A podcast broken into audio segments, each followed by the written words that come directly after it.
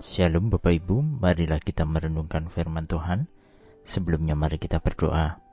Tuhan kami hendak merenungkan firman-Mu. Roh Kudus pimpinlah kami. Di dalam Tuhan Yesus kami berdoa. Amin. Bacaan saat ini diambil dari 1 Tawarik 16 ayat 8. 1 Tawarik 16 ayat 8. Bersyukurlah kepada Tuhan.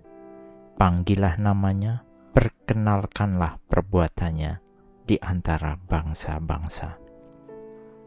Nyanyian-nyanyian pujian Daud ini adalah cara Daud merayakan kemurahan atas tindakan-tindakan Allah yang luar biasa dan ajaib bagi Israel. Karena tabut perjanjian yang akhirnya dibawa kembali di tengah-tengah umatnya.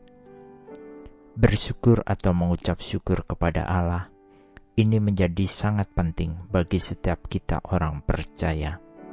Kenapa demikian? Karena tanpa ungkapan syukur atau rasa syukur, maka kita ini adalah pribadi yang sombong dan egois. Ungkapan syukur menjaga hati kita ada di dalam hubungan yang benar dengan Sang Pemberi dalam kehidupan ini, yaitu Allah itu sendiri. Di dalam 1 Tesalonika 5 ayat 18 dikatakan, Mengucap syukurlah dalam segala hal, sebab itulah yang dikehendaki Allah di dalam Kristus Yesus bagi kamu. Di samping untuk menjaga hubungan, mengucap syukur itu pun dikehendaki Allah bagi kita. Mengucap syukur ini mengingatkan kita betapa banyaknya hal-hal yang sudah kita miliki.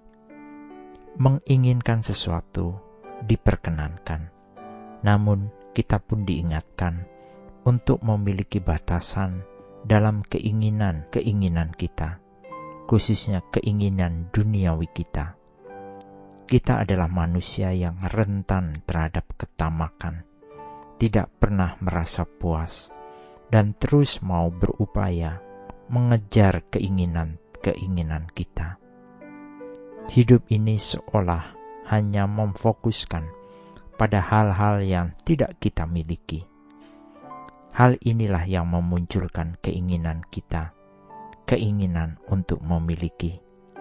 Sementara yang sudah kita miliki justru mungkin sudah tidak kita lagi syukuri. Dengan bersyukur, kita diajarkan untuk belajar mengingat apa yang sudah kita miliki, sehingga kita pun belajar untuk tidak terus mencari dan berupaya mengejar keinginan-keinginan kita. Sadarkah kita bahwa terkadang kita mengejar keinginan dengan begitu besarnya, sehingga mengabaikan sekeliling kita, atau bahkan mungkin kita melakukan cara-cara yang tidak berkenan di hadapan Tuhan. Marilah kita coba renungkan kembali ketika keinginan itu sudah terpenuhi. Selanjutnya, apa yang terjadi?